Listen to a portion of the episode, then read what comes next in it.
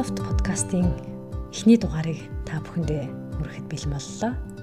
За биднийг Microsoft-ийн Монголд хаал бие усны төлөөлөгч мэдээлэл технологийн компани гэдгээр нь та бүхэн илүү их мэдэх бах. Бид энэ подкастаараа дамжуулаад дэлхийд дахинаа технологийн салбарт ямар шинэ бүтээгдэхүүн үйлчилгээ нэвтэрч байгаа тухай, ер нь Монголд технологийн салбарын залуучууд юу хийж байгаа тухай гэх мэтчлэн одоо технологийн салбарын эргэн тойрондох сонин сайхан бүхнийг хуваалцах болно. Ингээд Empasoft подкаста хүлээмж сонсцгоё. Дижитал шилжилтийг бидэнтэй хамт бид хэлбэрчлэн. За подкастынхаа энэ удаагийн дугаараар бид нар та дижитал ажилтан мөн үү гэсэн сэдвийн дор ярилцах болно. За сүүлийн үед дижитал шилжилт гэх үгийг бид нар маш их сонсох болсон. За үүнийгээ дагаад дижитал ажилтан гэдэг ойлголт бас гадуур нэлийн түгээмэл бий болсон. За энэ маань робот хүн гэж зарим хүнд ойлгогдож магадгүй аа нөгөө утгаараа болохоор одоо технологийн сүүлийн үеийн тренд болж байгаа тоног төхөөрөмжүүд хэрэглүүрүүдийг хэрхэн сайн эзэмссэн байгаа байдлаар нь та бүхнийг одоо дижитал ажилтан мөн үү биш үү гэдэг дээр маш их яригдж эхэлсэн. За энэ бүхнийг ярихын өмнө би нэг сонирхолтой баримт та бүхэнд хэлье. За технологи дэлхийд дахнаа нэвтрээд тодорхой хугацааны дараа тодорхой хугацааны хүмүүст хүрсэн байгаа байгаа байдлаар нэг сонирхолтой судалгаа гаргасан байна л да. За дэлхийд дахинаа 50 сая хүний хүртэл болохын тулд радио 38 жил зарцуулсан бол телевиз 13 жилийг зарцуулжээ. За интернет өөрөө бий болоод дэлхийд дахинаа 50 сая хүнд хүртлээ 3 жил болсон бол Facebook ердөө 1 жилийн хугацаанд 50 сая хүнд хүрсэн байна.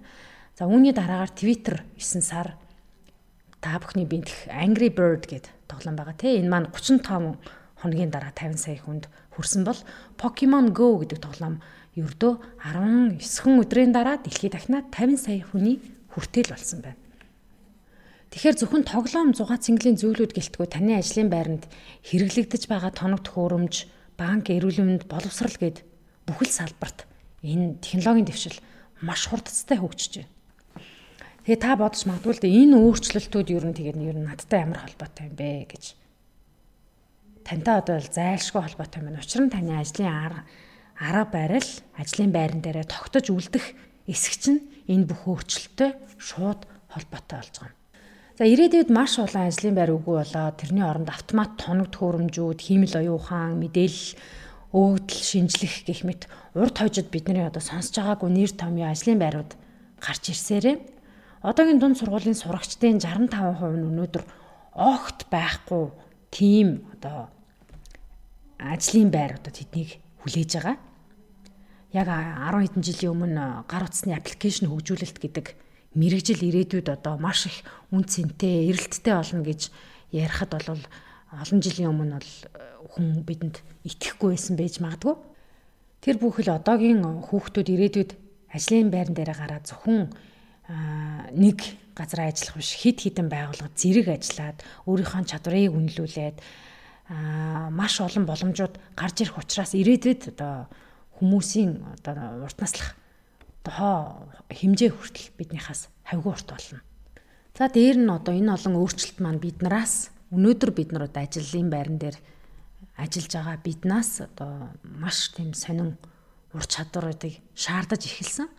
За Америк, Европ гэх мэт том том улсуудын жишээг бид нар авч ярахаас илүүтэйгээр одоо Төв Азад маань ирээдүйд буюу одоо 2020 он хүртэл ямар ажлын байрууд, ямар ур чадварууд шаардлагатай вэ гэдэг тухай би танарт богинохон нэг статистик мэдээ хүргэмээр байна. За Future of Job Reports гэд одоо энэ тайланд дурдсанаар бол ирээдүйд Төв Азад одоо маш чадварлаг удирдлагын түвшний хүмүүс хэрэгтэй байгаа юм байна. Дээр нь софтвер болон аппликейшн хөгжүүлэлт түүн дээр анализ хийдэг хүмүүс маш хэрэлттэй байна. За мэдээж борлуулалт маркетингийн мэрэгжлийн өндөр түвшинд бэлтгэгдсэн хүмүүс хэрэгтэй байна гэж байна. А дараагаар нь дата аналистууд буюу өгөгдлийн шинжээчд шинжлэх ухааны төвшөнд хүрсэн мэдлэгтэй хүмүүс хэрэгтэй. За мэдээж хүний нөөцийн специалистууд буюу мэрэгчлэтнүүд дутмаг байгаа.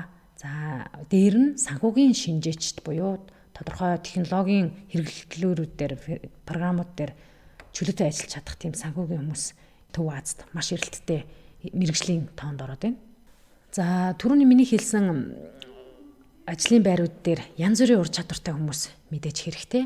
Аа гэхдээ хэрв бид аливаа зүйлд дүн шинжилгээ хийж хийх чадвартай, бүтээлчээр хандах чадвартай, дээр нь маш их зүйл сурах хүсэл тэмүүлэлтэй хүмүүс одоо ирээдүйд маш их модонд орж энэ хилээд байгаа шаардлагатай ажлын байруудад хамгийн түрүүнд орж ажиллах боломжтой, өөрийгөө үнэлүүлэх боломжтой юм байна монголчууд бидний нэг бусад үндэстэнгүүдээс онцлог нэг чанар байдаг.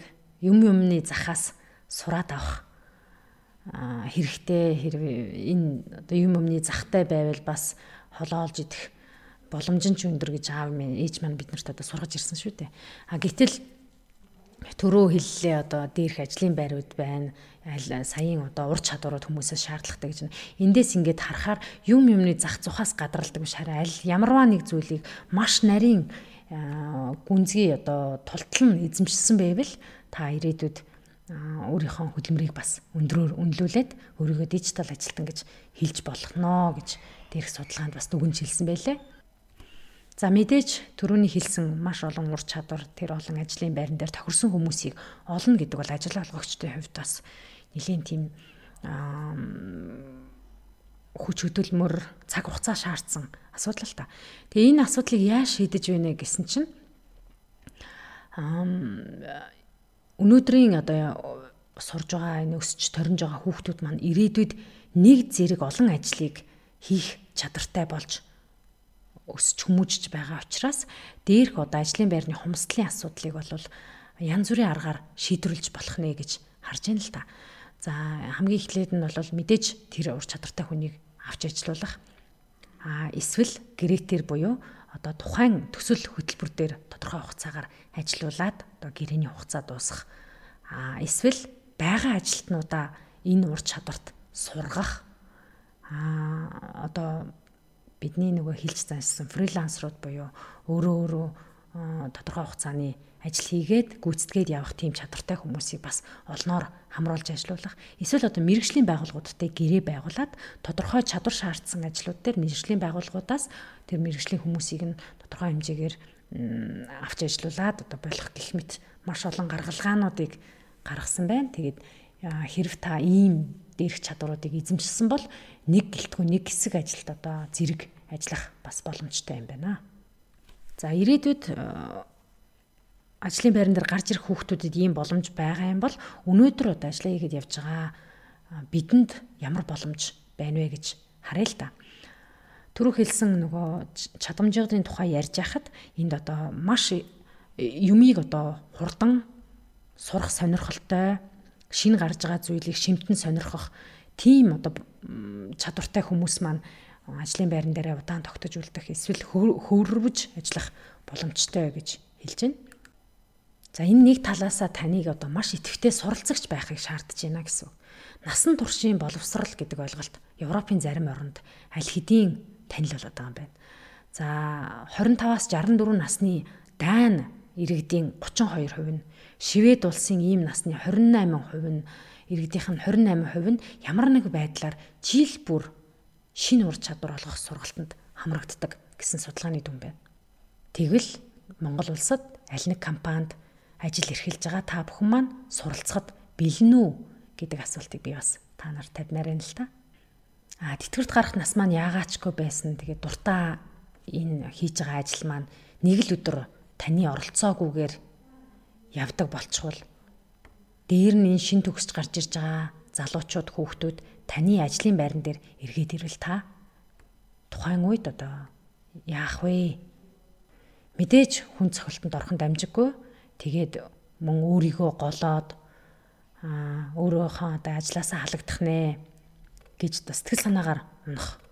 Тийм шоконд орох өдрүүд бас ойрхон байж магадгүй. Яагаад тэгэхээр технологи гэдэг маань хүнээс өдөр тутамд ямар нэг зүйлийг сурж яхахыг шаарддаг. За өдөр тутамдаа бидний хэрэгжилж байгаа албан ажилдаа компьютер хасаагаад хэрэгжилж байгаа Word, Excel, Excel маань хүртэл одоо cloud руу шилжчихсэн а түүнийг дагалдаж ирж байгаа маш олон аппликейшнуудыг та сурсан байх хэрэгтэй.